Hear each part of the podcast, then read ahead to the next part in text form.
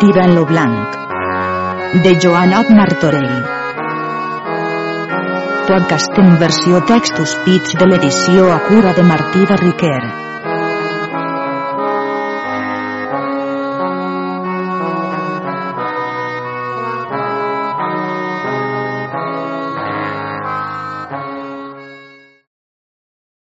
Episodi 1.4 Part primera, tirant Anglaterra. Capítols del 40 al 60.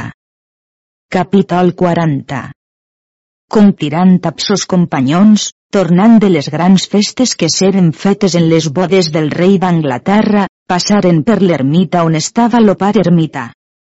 No us podia recitar, magnífics senyors, la gran contentació que los meus ulls tenen de veure tanta gent de bé, perquè us hauré amb molta gràcia me vull audir si veniu ara de la cort de Monsenyor lo rei, e desitge saber los qui són estats fets novells cavallers, e de les honrades festes que penseran estades fetes. E preca vos, tirant lo blanc, vos placi a dir-me los noms de tots aquests senyors que ací present estan, perquè la mi ànima ne reste aconsolada. E dona fi a son parlar. Tirant se girà de vers la sua companyia, per so com n'hi havia així en llinatge, com en riquesa, com en altres coses de major autoritat e senyoria, e dis-los. O valerosos cavallers, suplic-vos que vulleu respondre e satisfer a les demandes que han són estades fetes per la reverència del pare ermita, del qual jo a vosaltres moltes voltes he parlat del saber, de la santedat sua, com ell sia pare de cavalleria i mereixedor de molta honor, que li'n vulleu fer relació. Respongueren tots? Diga-ho vos, tirant, e parlau per tots, puix los ampare aguda primer notícia a vos. Ara jo us demane en gràcia d'ix tirant, puix a vosaltres plau lo reverent pare m'humana, que si jo fallia en alguna cosa, m'ho vulleu reduir a memòria. E tots digueren que eren contents, e tirant, llevant-se lo barret del cap, feu principi a tal parlar. Capítol 41 com tirant recitar a l'ermità les grans festes, solemnitats i magnificències, les quals no es troben per escriptura també els actes com foren fets en les bodes del rei d'Anglaterra, e del divís que fon entre els oficis. Senyor de molta reverència i santedat, la senyoria vostra deu saber que, la vespra de Sant Joan pus propassat que un any, feu mostrar lo rei, e tots los qui eren en la ciutat, així dones com donzelles, e tots los oficis, e tots los estrangers que hi eren venguts de moltes parts de la cristiandat saben les grans festes que s'hi aparellaven, com lo rei hagués tramès molts reis d'armes, era utge por abans a notificar-ho per tot lo món. Eh primerament, senyor, vos diré una gran magnificència, la qual oïte que lo rei ha feta, que no es troba en escriptura ni menys és estada en nostre temps, que, a cascun port de mar o per qualsevull altres camins o viles o llocs reals, tots aquells qui venien per veure les festes o per fer armes, los de les viles o ciutats los daven viandes molt abundosament a tots, del dia que desembarcaven fins al dia que eixien de l'illa d'Anglaterra, tots temps havien la despesa franca. Lo dia de Sant Joan lo rei s'avillà molt bé, apumante tot brodat de perles molt grosses, forrat de marcs gibelins, les calces d'aquella semblant brodadura molt riques, lo gipó de brocat de fil d'argent tirat, no portant res d'or, perquè no era encara cavaller, sinó al cap que portava una corona d'or molt rica i de gran estima lo sceptre en la mà. Cavalcant en un vell cavall, en lo seu gest mostrava ésser bé rei. Així partí del seu gran palau i anà a la gran plaça de la ciutat, acompanyat de tots los gentils homes que es trobaren en la ciutat que fossin de quatre corters, en algun altre no anava a plo rei. Estant lo rei en la plaça, ven Cloduc de l'encastre tot armat en blanc, quinze mil combatents, el rei, après que li hagué fet a reverència, manà-li que isqués primer de tot ja que portàs l'avantguarda. Lo duc de continent se més primer tota la gent d'armes passà davant lo rei, molt ben armats i a bell orde amb molts cavalls a paraments de brocat de xaperia d'or d'argent, en moltes cobertes i pennatxos i cimeres a modó d'Itàlia i de Llombardia. Après del duc anaven tots los ordens, cascú a punt siri encès en la mà. Après venien tots los menestrals, cascun ofici absallure que fet havien, e fon molt gran divís entre los oficis, que jo pensi que los uns ap los altres se matarien. Sobre quina causa fon queixa divisió dix l'ermità. Senyor dix tirant, jo us ho diré. Entre los ferrers i los teixidors fon lo divís, car los teixidors d'allí deien que devien preseir als ferrers, e los ferrers deien lo contrari, que ells devien haver l'honor dels teixidors. Ajustaren-se en cascuna part passats deu mil hòmens, e los juristes foren causa de tot això, car alegaven per part dels teixidors que no es podia dir missa ni consagrar lo preciós cos de Jesucrist sens drap d'allí, e los juristes per part dels ferrers alegaven que primer fon l'ofici de ferrer que no de teixidor, per quan l'hoteler del teixidor no podia ésser fet sens ferramenta, perquè era provat l'ofici de ferrar-se ser més antic que deure preseir als teixidors. Moltes al·legacions s'alegaren per cascuna part, que no tinc en record, e aquesta fon la causa del divís, e si no fos estat lo duc, qui es troba a cavall i armat, for jornada fora estada, car lo rei ja no hi podia dar remei. Lo duc se més enmig de la pressa de tota la gent precis juristes, tres de cascuna part, e trague'ls fora de la ciutat. Ells se pensaren que lo duc los volia per demanar qual a part tenia millor justícia. Com foren fora de la ciutat, al cap del pont, feu restar mil homes d'armes que no deixassen passar a negu, si la persona del rei no era. Lo duc descavalcà enmig del ponte tan prestament com pogué feu posar dues forques, ben altes, e feu penjar tres juristes en cascuna, cap avall per fer-los molta honor, e no es partí d'allí fins cayeren trameses les miserables ànimes en infern.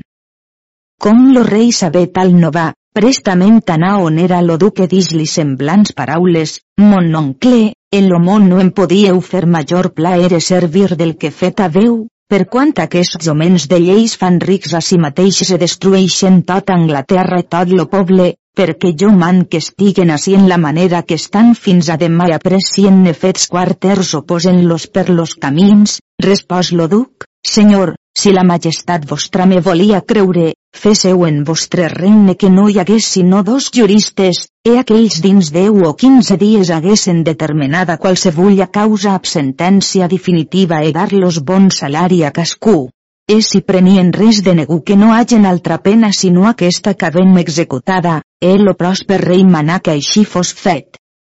Sabut per tot lo poble lo virtuós acte que lo duc havia fet, donaren l'infinides llaors, e gens per això la festa no resta que no es fes en la forma que era estada ordenada. Capítol 42 Com los reis que de la ciutat ap gran professor, ap tots los estats e ap tot lo clero. Après dels menestrals venien moltes maneres d'entremesos. Après venia tot lo cleró, soes, arquebisbes, bisbes, pavordres, canonges e preveres amb moltes relíquies. Après venia un pali molt gran i ric, e dins lo pali venia lo rei amb tots aquells qui volien rebre l'orde de cavalleria. E tots anaven vestits de setí blanc, qui significa virginitat, o de brocat d'argent, e tots aquests no tenien mullers sinó que eren esposats, però, encara que no tinguessin l'esposada en lo regne, bé hi podien anar. Après del rei venien tots los grans senyors, tots vestits de brocat o de xaperia, o de setí o vellut carmesí o domàs, e totes les dones casades anaven així vestides com los marits. Après venien tots los homes viudos, e les dones vídues après, tots vestits de vellut negre, e tots los guarniments de les bèsties d'aquella mateixa color. Après venien totes les donzelles a tots aquells qui no eren estats casats, e tots anaven vestits de blanc o de verd, sedes, brocats o de xaperia. E en cascun estat dels de sus dits portaven grosses cadenes d'or e fermalls d'or, amb moltes perles, diamants e pedres de gran estima, e cascú feia son poder d'anar-lo més avillat que podia. Après venien totes les monges de tots los ordens, e cascuna qui volia portar habit de seda ho podia ben fer, encara que per son orde fos de fes, per so com lo rei havia obtès a llicència del papa que qualsevolgués monja que estigués en religió estreta, que aquell any un dia podia estar fora del monestir, e podia vestir seda de qual drap se vulla, que fons de la color del seu order. El o rei als ordens que eren pobres manà que els fossin donats diners per a vestir, e totes les monges jovens e galants s'avellaren, e encara moltes de les ancianes se vestiren totes de seda i cascuna d'aquestes portava una candela encesa en la mà. Après d'elles venien totes les dones de la terça regla, no menys vestides de drap de seda vorella que les monges, e cascuna portava en la mà un estadal, cantant totes lo magnificat. Après venien tots los oficials reals del regne tots los homes armats a peu, així com si deguessin entrar en batalla, e tots a pillúria del rei blanca i vermella, a los herminis tots brodats qui es feien per divisa. Après venien totes les dones públiques a les qui vivien enamorades, e a tots los rufians qui anaven a pelles, e cascuna portava en lo cap una garlanda de flors o de murta perquè fossin conegudes, e si n'hi havia ninguna casada que se'n fos anada del marit havia portar en la mà una petita bandera. E anaven ballant tap tamborinos. En tal forma, senyor, com devisat vos anava cascun estat, e anant fora de la ciutat de Londres distant de tres milles. La infanta, que sabé que lo rei venia, isqué d'un lloc qui es nomena Granuic, en lo qual lloc a un molt ric palau, en molt ben avillada posàs dins un castell que portava tot de fusta sobre un carro de dotze rodes, que tiraven 36 cavalls, los més grans e forts que en tota França pogueren trobar. E a la infanta anaven 130 donzelles totes esposades, e altra dona ni donzella no anava a pella. Après venien a cavall molts ducs, comtes e marquesos entorn de la dita carreta e per semblant moltes dones e donzelles de gran estima. E enmig d'una gran praderia, la infanta s'aturà, e primerament aplega lo duc de l'encastre, armat, ab tots los seus, e descavalcaren e feren gran reverència a la infanta qui estava a la porta del castell, que no volgué eixir fins que lo rei vingués. E cascun estat, així com venia per orde, així anaven a fer reverència tots a la infanta. Capítol 43 Com lo rei d'Anglaterra pres la benedicció a la filla del rei de França aplegant lo rei ap aquell estat que portava e confon prop lo castell d'escavalcar, e tots los qui venien a pell. E la infanta, com veu que lo rei descavalcava, llevas de peus e prestament li fon més a una escalatota d'argent per on ella baixa, e totes les donzelles esposades qui a pella eren. La filla del duc de Berry pres la infanta del braç, e la filla del comte de Flandes li pres les faldes, e tots los esposats que allí eren se posaren davant la infanta per acompanyar-la, e totes les esposades venien a pres d'ella.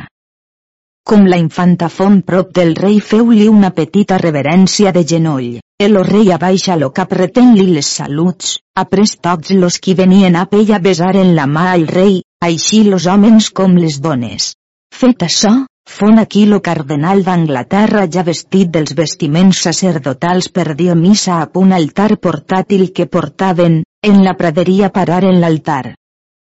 Lo cardenal comença la missa, confon a l'Evangeli tornar a esposar-lo rei a la infanta, llavors lo rei la besà una i moltes voltes. Com la missa fondita, lo rei s'acostà a la infanta estigueren allí parlant per bon espai, festejant-se de les festes que entre esposats s'acostumen, en presència de tota la gent.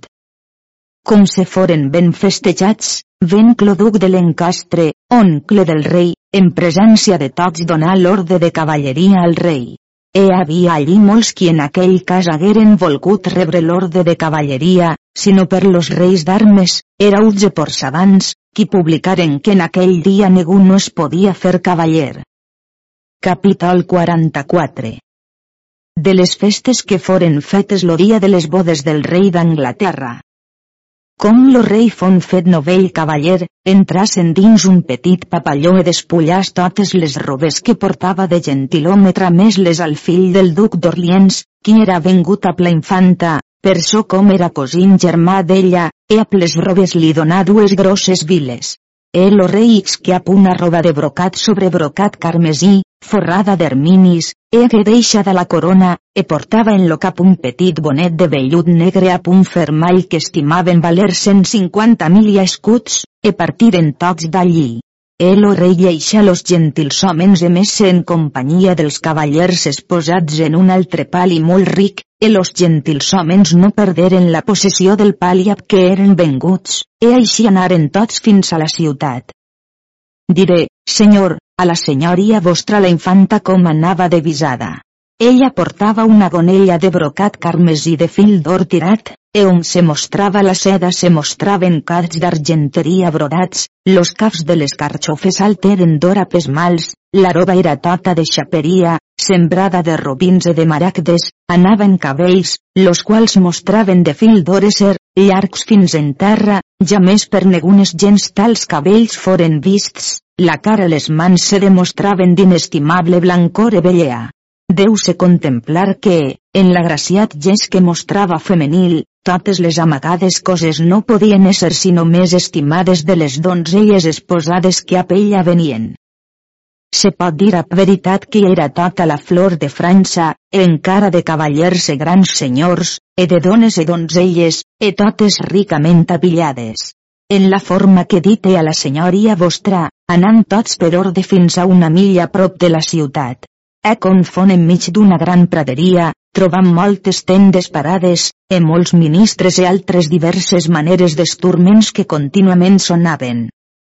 Lo rei descavalcà e tots los cavallers qui eren esposats, e pujaren alt al castell de la infanta, e pres-la per la mà e baixa-la en la praderia, e tots los esposats ap les esposades apres d'ell, en la vella praderia començaren a dansar. Après que lo rei i la infanta hagueren dansat, dansaren los cavallers esposats a les donzelles esposades, après dansaren tots los estats així com venien per orde. E com la un estat acabava a l'altre volia començar, lo rei se prenia a dansar a la infanta, e com la via lleixada prenia la més gentil dama d'aquell estat e dansava una dansa a ella.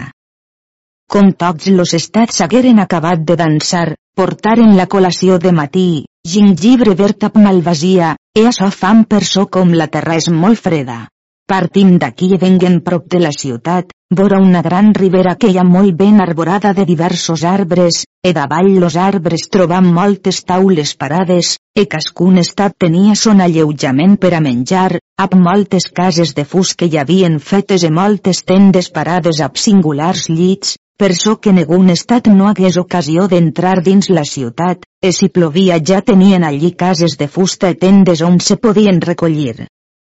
A cascun estat vos dic, senyor, que eren ben servits de molteletes viandes, així en los dies de carn com de peix, e açò durà tot l'any un dia, a bon compliment de gran magnanimitat. Lo primer dia tot fon de gales e festes, lo segon, qui era divendres, de matí anam a missa, he après la missa entram en la ribera amb moltes barques, totes cobertes de drap de seda de draps de raça de brocat e cascun estat amb sa divisa, he anant pescant per la ribera passades 200 barques. Après que lo rei fon dinat apartàs ab son estat, ven Clo Montero major amb molts sauessos e cans de presa i llebrers de Bretanya i ab tota la monteria, he anant tots ab lo rei a casa fent gran matança de salvagines. Lo dissabte per lo matí fon ajustat Consell General de tots los estats, així d'homens com de dones, e foren allí en presència de tots publicat e manifestat per los reis d'armes e per los porçavants herauts cascun dia de la setmana que tenien de fer. Capítol 45 Los capítols de les armes que es podien fer en aquelles festes. Primerament lo diumenge, qui és dia de benedicció, fossin fetes danses tot aquell dia per tots los estats, així per los ordens com per los menestrals, e qualsevulla orde que dansasse ho fes millor, o fessen jocs o entramesos amb més gràcia a parer dels jutges, que guanyassen 20 marcs d'argent tot lo que costaven los entramesos, e tot aquell dia no s'hi tenia de fer sinó danses o momos, o entramesos o coses semblants que fossin d'alegria. Capítol 46 D'això mateix. Lo dilluns fon publicat per los de sus dits reis d'armes herauts, qualsevulla que volgués junyir a parmes reals o a parmes de guerra, fossen los ferros de les armes reals ab quatre puntes en lo broquet molt encerades, ab cera gomada cascuna punta de la billeta, les altres llances de les armes de seguir al cap de la llança, una planxa de ferre redona, on hi estigués cinc puntes d'acer fetes a tall de diamà, molt ben esmolades, e aquesta planxa redona amb los ferres de diamà se venen encasar dins la llança d'un ferre tot sol.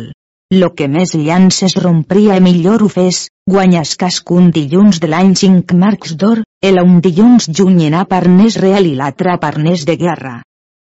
Capítol 47 D'això mateix.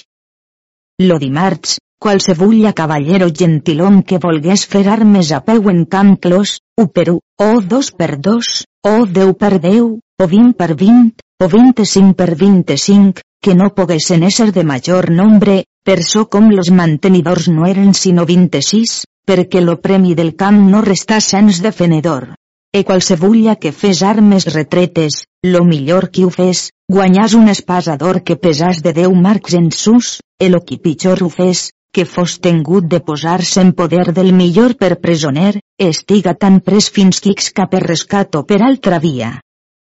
Capítol 48 D'això mateix. Lo dimecres, tots aquells qui volran combatre a cavall a tota ultranza, o puntes sangrentes, aquesta i tal qui millor ho farà, li sia dada una petita corona d'or que pese de 25 marcs en sus. Capítol 49 D'això mateix. Lo dijous, qualsevulla cavallero gentilhome o qui vol entrar en camp clos a peu a tota ultranza, així com de sus és dit, u per o dos per dos, en tal cas aquell guanya una dama tota d'or, a semblança de la infanta, e per so com aquelles armes són les pus forts i més perilloses que el cavaller pot fer, pesarà d'or 35 marcs. E farà jurament en poder dels jutges lo vençut que en tota sa vida no requerrà negun altre cavaller o gentilhome tota ultranza, en no portarà dins aquell dia any espasa, ni en brega que sia no prendrà armes ningunes, si ja no era contra infels. Ha presatge de venir a posar-se en poder de la senyora infanta la dita senyora faça d'ella tota sa voluntat. Capítol 50 D'això mateix. Lo divendres, per so com és dia de passió, no s'hi facen armes ningunes, sinó que, après de la missa vespres seran dites, poran anar a caçar. Capítol 51 D'això mateix. Lo dissabte és a font donat a tots aquells qui es volran fer cavallers, el rei de bon grat, après que seran examinats si són mereixedors de rebre l'orde de cavalleria, ell los farà cavallers. Veus així, pare senyor, com eren repartits los dies de la setmana, e foren elets 26 cavallers capitans del camp, tals que negu reprochar no els podia. Capítol 52 D'això mateix. Après que lo Consell fon tengut e ordenats los capítols, foren publicats generalment per los sobredits reis d'armes erauts. E era ja hora tarda, lo rei se llevà a tots los estats e anaren a dinar. He dites vespres, lo rei a tots los estats de continent amb molts ministres anant on estaven los 26 cavallers elets per fer les armes, qui distaven de l'alleujament de l'estat del rei un tir de ballesta. E dins lo camp, allà on ells estaven, tenien un clos de fusta molt alta, que ningú no els podia veure sinó per la porta o entrant dins, e tots estaven asseguts en cadires, tretze a una part i tretze a l'altra, e tots armats en blanc, e al cap portaven corones d'or molt riques. E com lo rei entra la infanta no es mogueren gens sinó que a plocap saludaren lo rei, e no fos negu d'ells que gosàs parlar ni digués res. Lo rei a tots los estats estigueren allí un poc, e com lo rei se'n volgué anar, isqueren quatre donzelles d'inestimable bellea, ricament avillades, e suplicaren al rei fos plasenta sa majestat volgués aturar fins hagués pres a col·lació, e lo rei graciosament los ho atorga de continentis que la col·lació molt gran i abundosa, de marsapans, e pasta real e totes altres maneres de confits de sucre, e tots foren molt ben servits, e los cavallers e gentilhomens cascú seia en faldes de dona o de donzella. Après la col·lació feta, que en la praderia i aquí començaren de dansar. E los mantenidors prestament foren desarmats e tots 26 vingueren vestits absos jaserans e amb jaquetes totes d'una color e d'una faisó, brodades d'orfebreria, i en lo cap cascú portava un bonet de grana a punt vell fermall, que bé parien que fossin cavallers de gran estat i d'alta cavalleria. Com hagueren dat fi a les danses, lo rei a tots los estats anam a veure totes les llisses, sols a saber, la llissa on junyien, que era molt ben feta, amb molts cadafals que hi havia, e per semblant eren totes les altres, amb los cadafals molt ben emparamentats de molt vells i singulars draps de ras, e així mateix les llisses. Après d'això vist, vengueren a suplicar al rei de part dels mantenidors del camp que anàs a sopar a tots los estats, el rei fon content. E estant en la fi del sopar, los reis d'armes publicaren que qualsevolgués cavaller o cavallers o gentils homes que volguessin junyir o fer armes ja de sus mencionades havien de venir la vespra d'aquell dia segons les armes que fer volia, e portava-les escrites en un paper vermell, e venir acompanyat a tots los del seu estat e no hi anava negu dels altres estats, e venia enmig de dues donzelles d'honor o dones, segons sa voluntat era, acompanyat de molts ministres que li anaven davant, e com aplegaven al palenc, sabien denomenar per llur nom propi, e qui era son pare, e de quina terra era natural, e les armes que volíeu fer, si les fèieu per dona o per donzella, monja, viuda o casada. E si dèieu que era donzella, deixaven-vos aquelles dones que us portaven,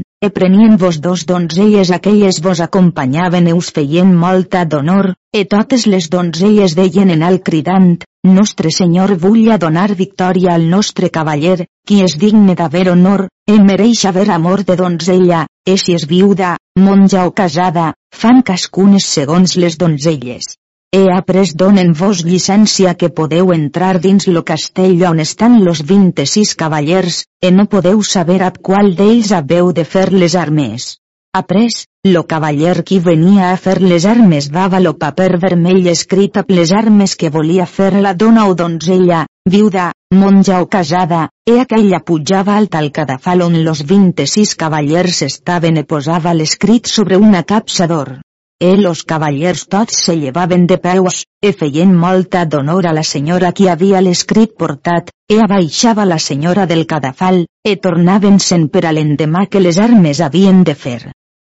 Capítol 53 Com tirant manifestar a l'ermità les magnificències de la roca. Com tot lo de sus fon fet, partim d'allí anam prop de la ciutat en una gran praderia molt arborada que hi ha, per on passa un gran riu. Enmig d'aquella praderia ven una cosa de gran magnificència que no crec en lo món una tal si estada feta. Molt me plauria saber dix l'ermità quina cosa de tanta estima és estada a queixa.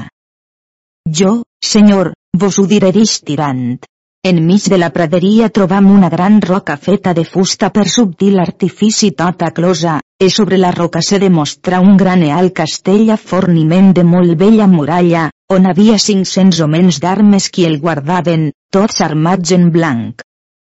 A plegar primer lo du cap tota la gent d'armes manar que obrissen les portes de la roca, e los qui estaven dins digueren que per negu ells no obririen, per so com llur senyor no volia, sinó que tornassen atrás. Sus dix lo duc, tothom faça lo que jo faré, davallar del cavall i més se lo primer de tots, e los seus feren lo que ell havia fet, amb les espases en les mans i amb les llances combateren molt fort la dita roca. Los qui estaven alt en la muralla llançaven de grans canteres e bombardes, colobrines espingardes, barres que semblaven de ferro, e pedres, e tot açò era de cuiro negre, e les pedres de cuiro blanc, on n'hi havia de grans e de poques, e totes eren plenes dins d'arena, però, senyor, si dava a negun home d'armes, plegat lo metia per terra. E certament fon un combat molt gentil, e los qui no ho sabien pensam, en lo primer combat, que anava de veres, e molts descavalcame amb les espases en les mans cuitam allà,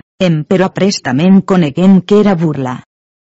Après a plegar en tots los estats duen un, e pregaren los se volguesen dar, ne tampoc los volgueren obrir la porta, ni menys per lo rei. La reina, que veu que a negun no volien obrir, acostasi a lo seu estat a la porta, e demanà qui era lo senyor del castell, e digueren-li que lo deu d'amor, lo qual tragué lo cap en una finestra. La reina, que el veu, feu-li gran reverència de genoll, he après feu principi a paraules de semblant estil. Capítol 54 De la suplicació que la reina feu al Déu d'amor.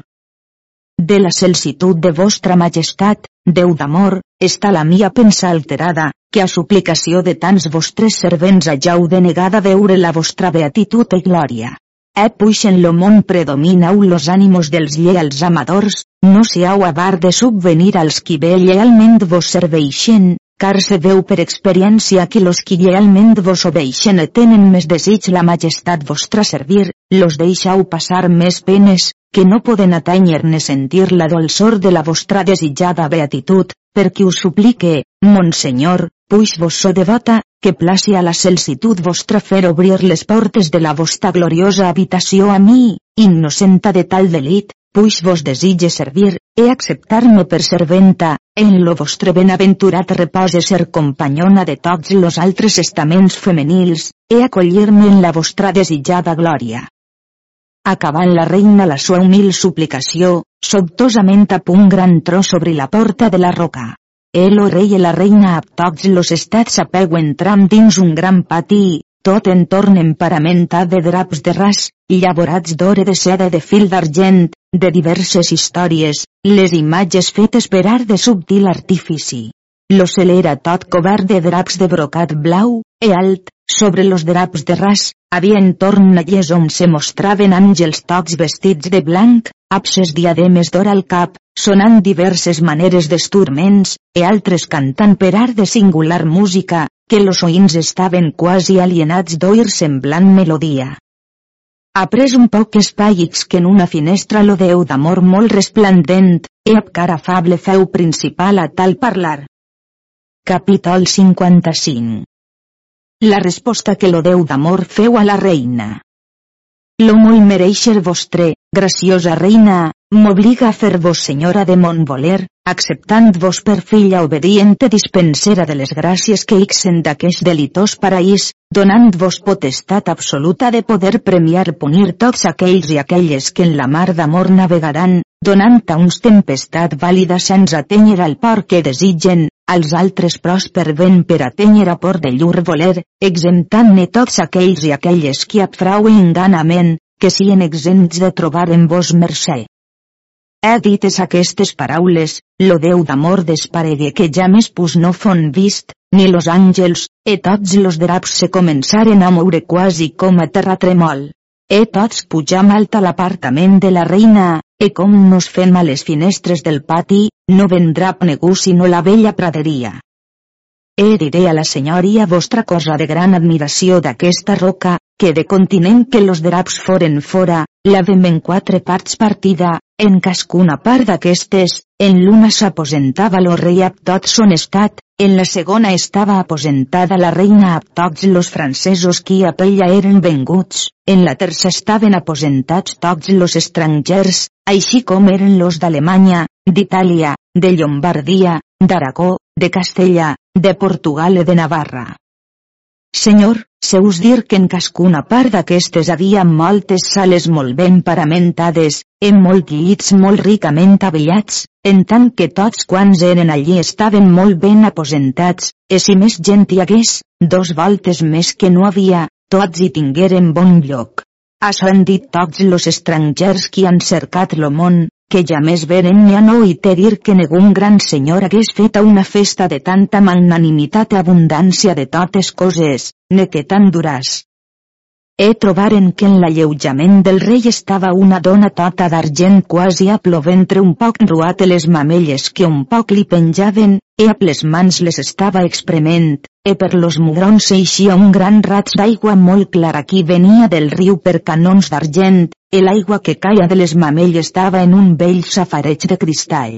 En l'altra estància on la reina estava, havia una donzella tota d'or esmaltada i tenia les mans baixes en dret de la natura, e d'allí eixia vi blanc molt fi especial, e aquell vi dava en un safareig de vidre cristallí. En l'altre apartament estava un bisbe absamitra al cap, qui era tot d'argent, e tenia les mans plegades mirant de vers l'ocel, e per la mitra li eixia un raig d'oli que dava en un safareig fet de jaspis. En l'altre apartament estava un lleó tot d'or, amb una molt rica corona d'or al cap, amb moltes pedres fines, e per la boca llançava mel, qui era molt blanca i clara, e dava en un safareig qui era fet de calcedònies. E enmig d'aquestes quatre estàncies, estava un nan molt diforme a natura i tenia l'una mà al cap i l'altra al ventre, eixir-li per l'homelic un raig de vi vermell molt fi especial, e dava en un safareig qui era fet de pòrfir, lo dit nan era lo mig d'or i mig d'acer, e mostrava escobert de mig manto, estava enmig del pati de les quatre estàncies, e no podia entrar negu dins la roca que no el ves, e cascú podia prendre llibertament de tot lo que havia.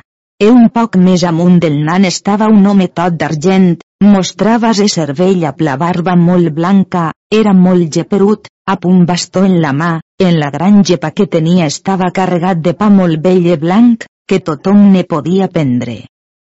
E totes aquestes coses, senyor, no pense vostra senyoria si en fetes per encantament ni per art de nigromància, sinó artificialment. En nuestro badia, tant com les festes han durat, que de totes les coses que dites vos no fos més abundantment lo darrer dia que lo primer, es eus ben dir que aquest bo de panisser no estava ja més que no tingués prop de si passats 30 mil i a pans, que estava molt abundós. Les taules ja més se desparaven sinó per mudar tovalles netes, e cascun dia havien viandes en gran abundància, en cascun apartament havia son vell tinell parat contínuament amb molt bella veixella d'argent, que tots quants eren menjaven e bevien en argent.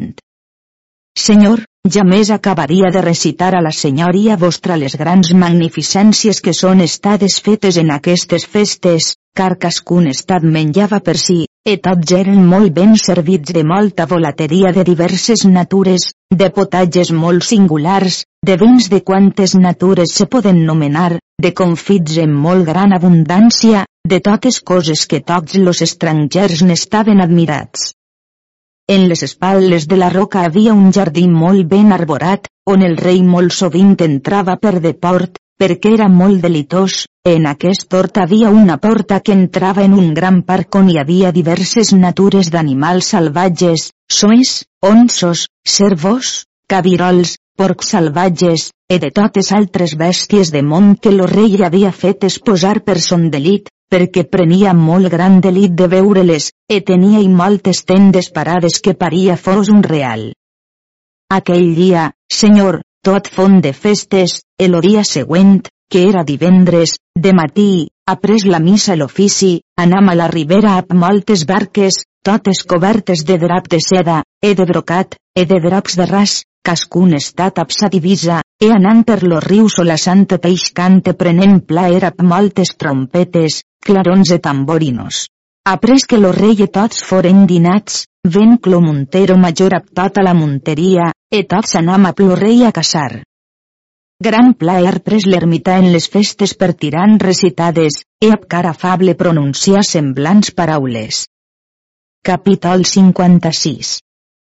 Com l'ermità demana tirant que li digués qui era estat lo millor dels vencedors. Molta és la glòria, per als cavallers qui en armes són experimentats, com se troben vencedors sense ser reproches. Eh per so suplica la molta gentilea de vosaltres, senyors, vos placi a dir-me qui és estat lo millor dels vencedors ne a qui han donada l'honor i premi d'aquesta solemne festa.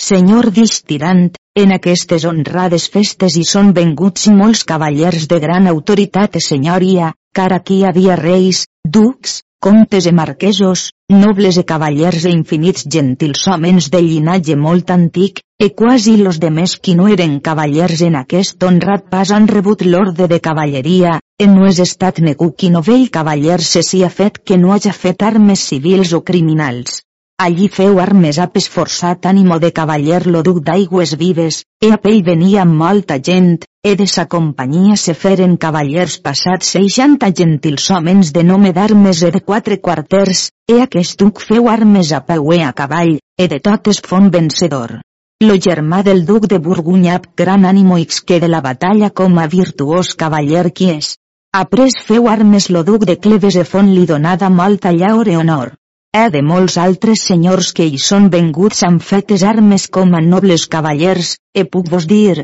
senyor, Ab tota veritat, que passats 150 cavallers hi són morts. E diré a la senyoria vostra una cosa de gran admiració, que un infant, a mon parer no passa de 14 o 15 anys, e tots li fan molta d'honor dient-li lo gran conestable d'Anglaterra, e lo rei li fa molta d'honor, un dia venca la posada d'aquests mos senyors que així són, e demanar per mi, no sabent lo meu nom, quasi per senyals me troba, e pròpiament és de la mia disposició, e com me veu me pregar tan graciosament que jo li volgués prestar lo meu cavall i les armes, per so com lo senyor rei i la comtessa sa mare no volien que fes armes ni a peu ni a cavall, per lo gran perill que en les armes són, e tant me pregae de tan bona gràcia, que no li pogui dir de no, ans li digui que de bona voluntat lo hi daria. E dins lo camp los cavallers vos daven armes e cavall a tota vostra voluntat, em però ell no volgué sinó les armes mies de lo meu cavall, e si li digui, conestable, senyor, mos vens la persona, de tot vos faré plaer e servir, e d'alta part me dolia lo cor per veure el tan jove tan bell cavaller, no volguera que la sua persona revés mal nedant, em però son desig se complí, que feu les armes que lo rei ni sa mare la comtessa no ho saberen fins a tant que les armes foren del tot finides. Dic vos, senyor, que de tots los cavallers que armes han fet en aquest honrat pas, un encontre tan bell i singular no és fet tal com aquest, car, de la primera que feu, l'encontrà per mig de la careta del bacinet que de l'altra part li passa una gran brassa de la llança. Com lo cavaller fon morte lo rei sabé que aquell tan bell encontre havia fet lo seu conestable, tramés per ell, e aquell, molt temerós, excusàs de no anar-hi, a la fi, més de força que de grat, anà davant lo rei, e lo rei lo reprès molt sa excel·lència que l'amava de grandíssim amor, dient-li que havia fet armes sens llicència sua pome de tan gran força com era lo senyor d'escala rompuda, en aquella companyia deien tots que era lo millor cavaller dels mantenidors del camp de major força i ànimo de cavalleria. E més li dix, que no tingués atreviment de fer més armes sens llicència emanament seu. E com lo conestable veu la gran reprensió que lo rei li havia feta, Deixat gran ira un tal parlar, doncs, senyor, serà veritat que jo haja rebut l'orde de cavalleria que haja ser tengut per lo més abatut cavaller de tots, que per temor de la mort vostra majestat no em lleixe fer armes, so cavaller tinc a fer obres de cavaller, així com fan tots los altres bons cavallers, e si vostra altesa no vol que veja los perills de les armes, manem que estiga vestit com a dona entre les donzelles de la senyora reina, així com feu aquell invencible cavaller Aquiles entre les filles del rei Priam de Troia. Eh no sap la majestat vostra d'aquell pare senyor meu Guillem, comte de Baroic, com tenint lo sceptre real font vencedor de tantes batalles, e a lo seu virtuós braç a tall d'espasa font vencedor e destruïdor dels moros, he pres a mi per los cabells e feu-me matar un moro, si bé era de poca edat, e tot sollat de sang volgué fer-me vencedor e lleixar-me allà per doctrina de bé a fer.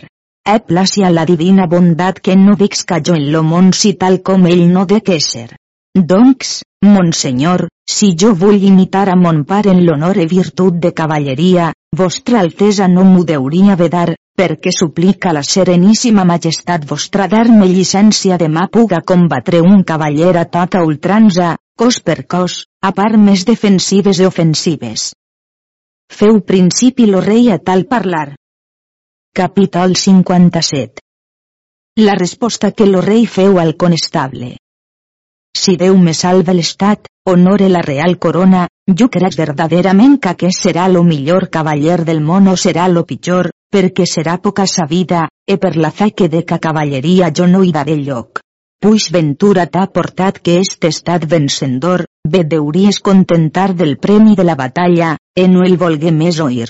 La mia ànima està molt atribulada dix lo conestable, si la mercè de la senyora reina no m'ajuda. Anà prestament a la cambra de la reina, agenollàs davant ella i besa-li moltes vegades les mans, suplicant-la li recaptàs gràcia a plo senyor rei li deixàs fer armes. Com la reina veu la molta voluntat del conestable, dix-li que era contenta de pregar per ell. No tardà molt que lo rei vingué a veure la reina, ella molt graciosament lo suplica que volgués donar llicència al gran constable que pogués fer armes a tota sa voluntat. Com, senyora dix lo rei, voleu vos que un fadrí que escassament se sap senyir l'espasa, que entre en camp clos? Ell vos n'ha suplicat, e vos, per amor de sa mare, que tant val, li deuríeu ser contrària, e vos pregau per son mal. Jo per res no hi daria lloc, car lo seu virtuós pare ha fet tant per mi e per la corona d'Anglaterra, que jo no bastaria ja més a satisfer-lo i, e si prenia algun dan en sa persona jo ho estimaria més tenir. E lo gran perill que en les armes és. Seria cosa poc difícil de rebre algun dan e deshonor. Com la reina veu la molt amor que lo rei mostrava tenir al conestable, no el volgué més enujar e més lo en altres raons. Com la reina se'n tornà a son apartament, lo conestable li fon davant, e la reina li dix tot lo que lo rei li havia dit e que les sues suplicacions en aquest temps no podien ésser admeses. Lo conestable estigué molt congoixat e ben cal meu alleujament, e tornam molt a pregar que jo el consellàs com podia tornar a combatre altre cavaller. E digui-li tot mon parer, que puix havia mort un cavaller, lo millor dels 26, no volgués enujar la majestat del senyor rei, puix tanta honor havia obtinguda. Si Déu vos prospere us lleixe complir lo vostre bon desig dix l'ermità. Aqueix conestable que dieu tenia pare ni mare ni afixos parents? Si bé dix tirant allí era la comtessa sa mare, la qual és de les majors de la cort, en no hi ha ninguna que major senyoria tinga, car de continent que la reina fon venguda, lo rei a tot son consell ordenà i volgué que la comtessa de Baroic la tingués en custòdia i totes les sues donzelles, de son pare no curí de demanar-ne, per quan la mia pensa estava més ocupada en les armes que no en demanar dels llinatges, e més avant no n'haguera sabut sinó per causa que la comtessa, sa mare, tramés per mi, e quan fui davant ella demanam si tenia muller ni fill, digui-li, senyora, perquè m'ho demana vostra senyoria. Jo us ho diré dix la comtessa, si fill teniu, amar-lo deveu, e si muller teniu, deveu-la guardar de nutge congoixa, car for cosa és a la dona d'honor no tenir sinó un fill i aquell posar en tan gran perill. E a paraules molt agraciades me dix perquè havia prestat lo meu cavall i les armes a un fadrí de tan poca edat, lo qual era orfe de pare de mare, si bé era allí, car la sua ànima estava molt alterada que si per mala sort, així com son fill havia mort aquell famós cavaller, que l'altre hagués mort a son fill, no li restara sinó que la terra s'obrise que l'assumís. Pregam amb gran afabilitat que, puix la divina providència havia volgut dar vida a son fill, que jo no volgués ser causa de la sua mort i de la sua desolació, que altre bé no tenia en aquest món. Eh jo li prometí, a fe de cavaller, de jamés fer cosa que Adam pogués venir a son fill, sinó fer-li tot aquell honor que a mi fos possible, e vaig la suplicar que em fes gràcia dir-me son marit si era mort de malaltia o en batalla. E la virtuosa senyora respòs-me a paraules afables, no alçant los ulls de terra, e dix, cavaller virtuós, jo so viuda de marit viu per mos pecats e per ma desaventura, marit he tingut en lo temps de mon jovent, qui per lo món era per ses virtuts molt conegut, enomenat lo comte Guillem de Baroic, el rei se poguera ser intitulat si hagués volgut, e puix viu sa bona voluntat, no curí de pus. Diga un me dix l'ermità, puix tant m'haveu dit d'aqueix conestable, qui és estat aquell qui ha guanyat lo premi honor del camp.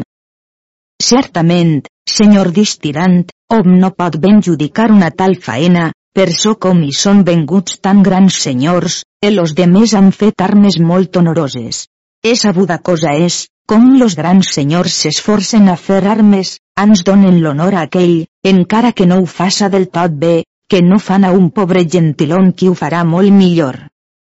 Tot això se pot ben fer dix l'ermità, mas per so com en aquest regnes en pràctica que, com se fan imperials armes, si es compleixen de fer aquelles armes e festes, per los reis d'armes, era utge por sabans ab trompetes e ministres publiquen lo per millor dels vencedors, e com aquestes sien estades molt solemnes e imperials, que per tot lo món són estades publicades e admeses a la vera execució d'ultranza, voldria saber qui és estat aquell qui la glòria i honor sobretot s'ha obtesa. Tirant calla no volgué més parlar, sinó que aplocat baix los ulls en terra estigué immoble. Tirant, mon fill dix l'ermità, com no em responeu al que us demane? Llevas un cavaller qui es nomenava Diafebus, e dix. Senyor, paraules ja que no han resposta, però, senyor, jo us jur, per aquell sant orde de cavalleria que jo, indigne, revilo dia de Nostra Senyora d'Agost que us diré veritat de tot lo que s'és seguit del que vostra senyoria demana, e açò sens ficció neguna. Senyor, la santedat vostra deu saber com lo millor de tots los vencedors, e qui ha guanyat lo premi del camp jutjat per lo senyor rei, e per los jutges de camp, i encara per tots los reis d'armes, era utge por sabans, e per tots los grans senyors de la cristiandat aquells que allí eren, qui foren testimonis ap escriptura de llur malap segell de llurs armes ap carta rebuda per 25 notaris, havent tots autoritat real e plenària llicència de rebre semblants actes en forma pública, eclosa per los dits notaris posant i cascú son signe, la qual puc demostrar a la senyoria vostra. Oh com me plauria veure aquest singular acte dix l'ermità. E tirant llevas d'allí on seia, que no hi volgué més aturar, em anà a descarregar totes les exemples enmig de la praderia, e que parassen les tendes, e prop de la font posassen les taules e que adobassen de sopar. E Diafebus se feu donar una bolleta en què portava la carta, e començaren a llegir, la qual era del tenor següent. Capítol 58 com Diafebus llegia l'ermità la carta que lo rei d'Anglaterra havia fet a Tirant, donant-lo per millor cavaller de tots?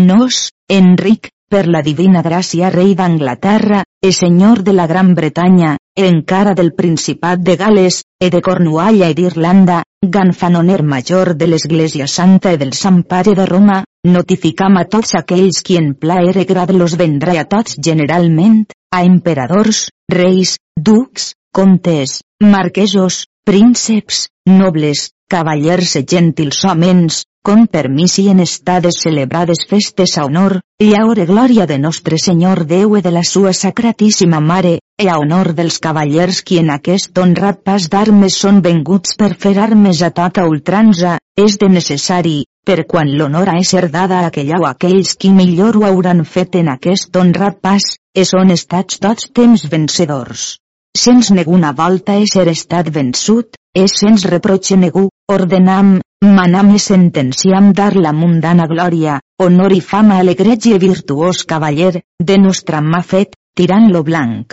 Volem que sia per tots los quatre cantons de les llisses publicat per lo millor dels cavallers, per los reis d'armes, era utge por sabans ab trompetes e ministres, ab consentiment meu i dels jutges del camp, representant la mia persona. Encara manam ha pujat sobre un gran cavall tot blanc, e tots los qui seran ací, menys com dones, vagen amb mi tots a peu, e si ha fet a processó general e tirant vaja dins l'opal i fins a l'església del gloriós cavaller Monsenyor Sant Jordi, e allí si ha dit a missa cantada ab solemne sermó de les cavalleries de tirant lo blanc fetes. Apres manam i ordenam, Eixim de l'església de Sant Jordi anem per totes les llisses, e tiram prenga la possessió d'aquelles, e per los reis d'armes li sien dades totes les claus de les dites llisses en senyal de victòria.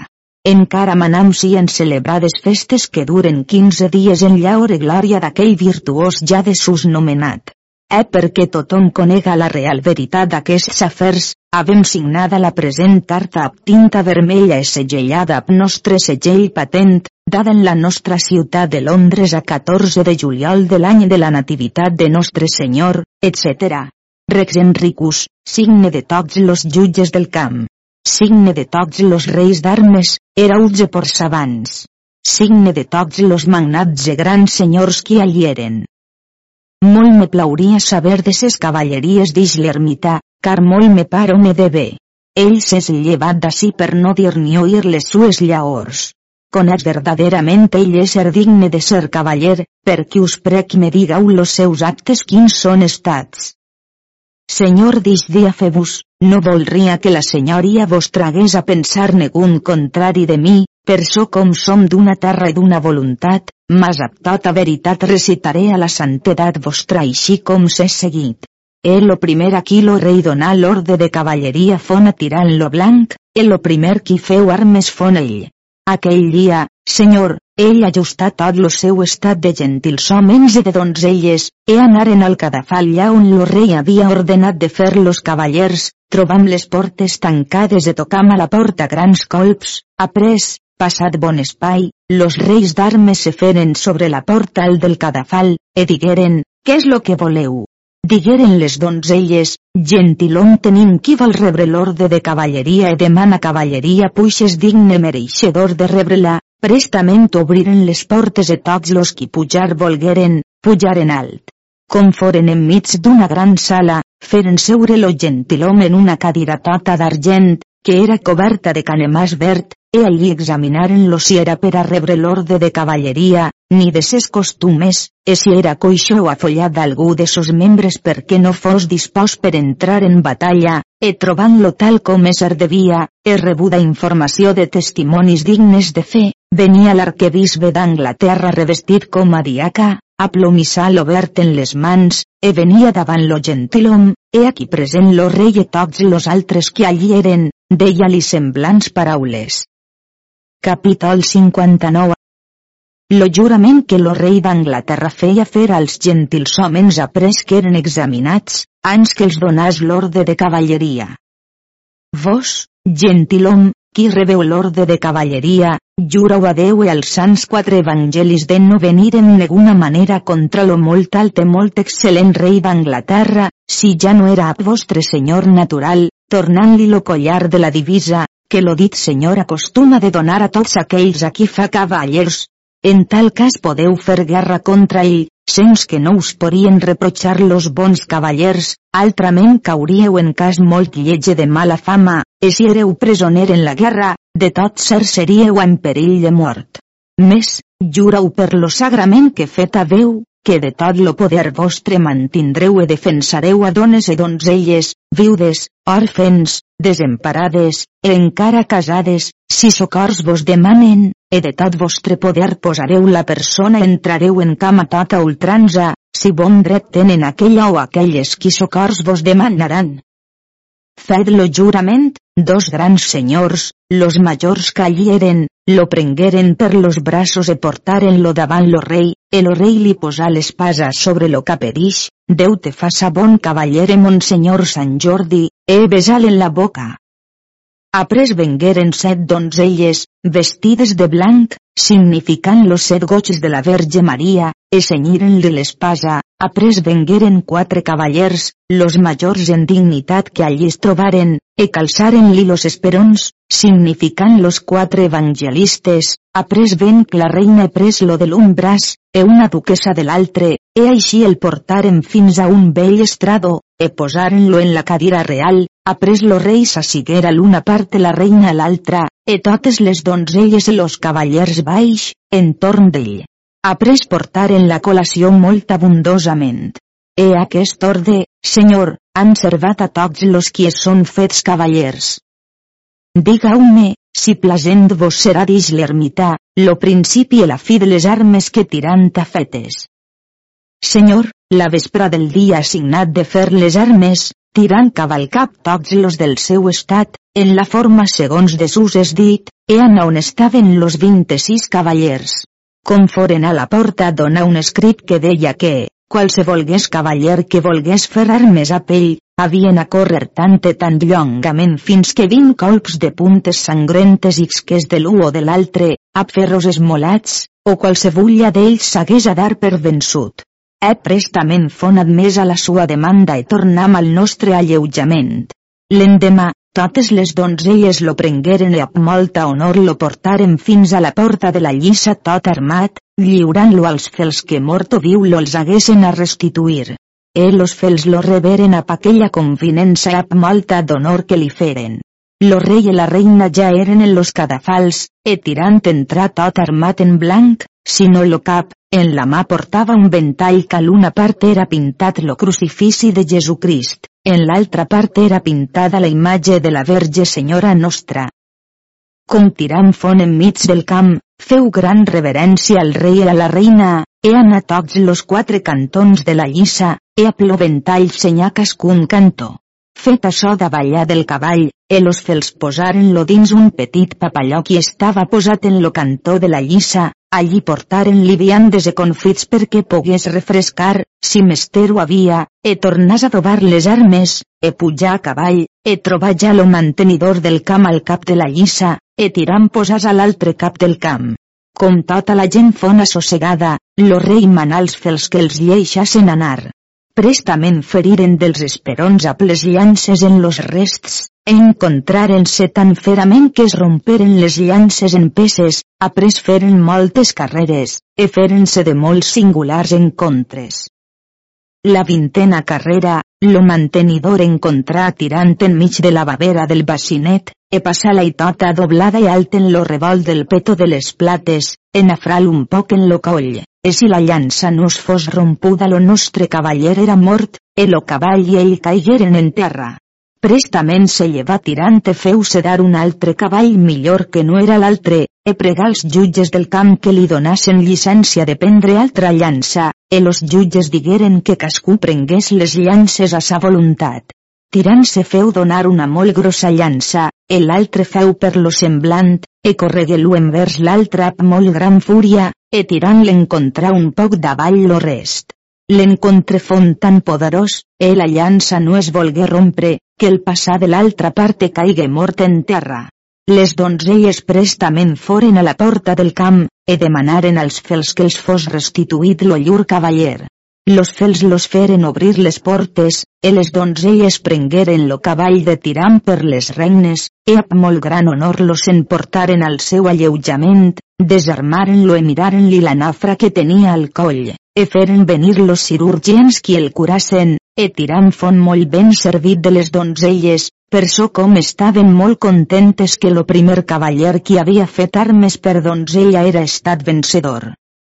Lo rei a tots los grans senyors que allí eren entraren dins lo palenc on ha lo cavaller mort, e amb molt gran processó i honor lo portaren a l'església de Sant Jordi, on havien fet una singular capella per aquells qui en les armes serien morts, en aquesta capella no hi podia ésser soterrat ningú qui cavaller no fos, e si era gentilon portaven-lo a l'església major, on havia altres capelles on los posaven. Senyor, com tirant font beguarit, tornar a ajustar tot lo seu estat, segons que l'altra volta havia fet, e anar on eren los 25 cavallers, e donar-los un escrit com volia combatre un cavaller a peu a tota ultranza, e admeteren-li sa demanda, entrar dins la lliça armat així com se pertanyia, ab gran esforç que en si mostrava, a patxa, espasa e daga com foren dins los papallons cascú en lo seu, adobaren-se les coses necessàries, eixits de fora, los fels los partiren lo sol, perquè no donàs més a la uca l'altre en la cara. Lo rei fon plegat a los altres estats, e passaren per lo camp per pujar als cadafals. Los cavallers cascú estava armat a la porta de papalló amb les atxes en les mans. Com veren lo rei, cascú ficà lo genoll en terra fent gran reverència al rei i a la reina, que mostraven bé que eren cavallers de gran valor, e totes les donzelles s'agenollaren en terra pregaren a Nostre Senyor que donàs victòria al seu cavaller. Com les gens foren assossegades e los papallons trets fora del camp, les trompetes sonaren e los herons digueren a palta veu no fos home ni dona gosàs parlar, senyalar, tossir-ne fer-se senyal negusats pena de la vida. Com la crida fon feta, dels huit cavallers fels, los quatre prengueren l'u i los altres quatre l'altre, e posaren-los enmig del camp en les tres ratlles, e d'aquí partiren l'u envers l'altre, e feren armes los dos molt valentment, sens que no es coneixia qual tenia millòria. La batalla dura molt, e per lo gran treball que passava lo mantenidor del camp, mancava-li l'alè, a la fi estava en tal punt que no podia tenir l'atxa, en son continent mostrava que amara més pau que guerra coneixent tirant en quin punt son contrari estava, pres l'atxa amb dues mans, e amb lo martell li donà tal colp en lo bacinet que tot lo torbà, e veu que amb gran treball se podia tenir de peus. Tirant s'acostà a ell, e donà-li una gran empenta que el feu caure en terra. Com lo veu tan mal adobat, llevar de lo bacinet del cap, tallant-li a les tiretes ab que estava lligat, e dix-li les següents paraules. Capítol 60 Les paraules que tirant dix al cavaller qui es combatia, com lo tingué vençut. Cavaller virtuós, bé pots veure com la tua mort, o la vida, està en ma llibertat, perquè mana a mi que vols que faça de tu, si vols vida o mort, car més aconsolat seré del bé que del mal. Mana a la mia mà dreta que t'haja misericòrdia que et vulla perdonar, e que no et faça tant de mal a la tua persona com poria. Més dolor tinc dix lo cavaller de les tues cruels paraules, abundoses d'extrema vanaglòria, que de perdre la vida, he més estime l'amor que no demanar perdó a la tua superbiosa mà. La mia mà acostumat de perdonar als homes vençuts distirant, en no fer-los dan, e si tu vols, jo et perdonaré de bon cor a tot lo mal que fer-te poria. Oh quina glòria és dix lo cavaller qui en terra estava, com los homes són vencedors per sort o per desventura, e abundar en moltes paraules. Jo solo cavaller de Montal sens reproche negu, amat e temut de moltes gens, so estat os temps piadós havent misericòrdia a totes gens. Jo vull usar d'aqueixos actes que dits has envers tu distirant, per la tua molta virtut e bondat. Anem davant lo rei, he aquí agenollat als meus peus demanar mas mercè, e jo perdonar-te liberalment. Lo cavaller, apira mortal, feu principi a tal parlar, no placi a Déu, ni me'n done lo poder, que jo ja més faça acte de tanta vergonya per a mi i els meus, ni en aquell egregi senyor meu lo comte Guillem de Baroic, del qual rebí aquest amargós orde de cavalleria, perquè, fes de mi tot lo que bé et vinga, que més estime bé morir que mal viure. Com tirant veu la sua mala voluntat dix, tots los cavallers qui bé volen usar e seguir les armes de l'estil d'aquelles per haver renome fama en ésser cruels e tenir cadira enmig d'infern. Tirar la daga més li la punta en l'ull, e a l'altra mà donar-li gran colp sobre lo cap de la daga, que la hi feu passar a l'altra part. Quin ànimo de cavaller fon aquest, que més estimar morir que no viure envergonyit, per no ser blasmat dels bons cavallers.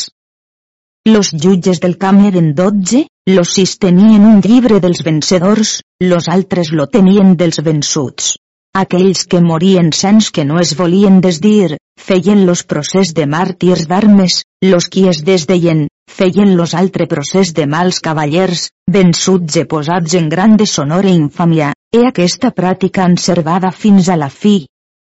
Après pocs dies, senyor, se seguí que la majestat del senyor rei i de la senyora reina estaven en grans soles enmig de la praderia prop del riu, dansant i fent moltes festes. E estava allí una parenta de la reina, que era anomenada la vella Agnès, e era filla del duc de Berry, que és la més agraciada donzella que jo ja més haja vist. És veritat que de veller a la reina passa totes quantes són, de gràcia e de gentil loquela, a totes gens afable, e de grandíssima honestat, liberal més que dona que ja més haja vist, per so com les dones la major part són avares per son natural, aquesta galant dama, si vestia robes que valguessin lo preu d'una ciutat, no pensava, en donar-les, e joies altres coses que ella tingués, tant era de gentil condició. Senyor, aquesta bella Agnès portava aquell dia en los pits un molt gentil fermall en presència del rei i de la reina de tots los cavallers, fetes les danses, tirant s'acostar a la gentil dama, e donant del genoll en la dura terra feu principi a un tal de parlar.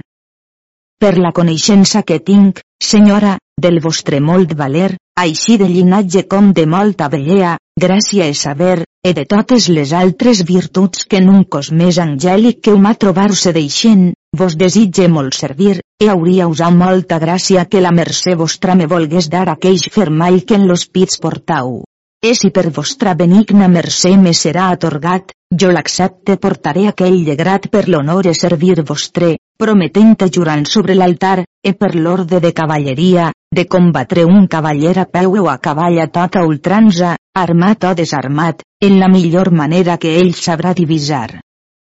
Ah, Santa Maria Valdix la bella Agnès. Eh per una cosa tan mínima i de tan poca valor voleu entrar en camp clos a tota ultranza, no temen los perills de la mort lo dan que seguir podia? Però, perquè represa no sia de dones e donzelles e dels bons cavallers dignes d'honor, de bon grat jo consentiré en presència del senyor rei i de la senyora reina perquè no perdeu lo premi de bé fer de l'orde de cavalleria, a les vostres mans prengau lo fermall. Tirant fon molt content de la resposta de la vella Agnès. Eh per quan lo fermall estava lligat a la cordonera del briale no es podia llevar sens que no fos descordada, e descordant-la, per força a les mans li havia de tocar als pits, tirant a la mà pres lo fermall e besal, a pres donar dels genolls en la dura terra i dix. Infinides gràcies, senyora, a la senyoria vostra fas del gran do que m'haveu donat, car més l'estime que si m'haguésseu dat tot lo realme de França. Eh promet a Déu que qui lo fermall me llevarà, la sua persona me lleixarà. Eh posar-se alt al cap d'un bonet que portava. Lo dia següent, estant lo rei en missa, ven un cavaller francès, lo qual s'anomenava lo senyor de les Vilegermes, molt valentíssim de sa persona, en armes molt experimentat, e dija tirant un tal parlar. Cavaller, don Sebulla que vos siau, haveu hagut massa gran atreviment de tocar en un cos glorificat com és de la vella Agnès, e tan mala demanda ja més feu cavaller en lo món. Perquè és de necessitat me doneu lo fermall de grat o de força, que de dret jo el de caber per reau com de ma puerícia fins ara amada, servida i venerada aquesta senyora, qui és mereixedora de tots los béns qui en el món són. Eh per quant a mi és dada la glòria, perquè amb mos innumerables treballs, en uix pensaments, jo la m'he sabuda guanyar, perquè jo tinc a cobrar lo premi del temps de ma joventut, que he perduda part d'aquella per servir a sa mercè, e si dar no el me reu, la vida vostra serà de poca durada. Dau-lo pau ans que més mal no se'n segueixca.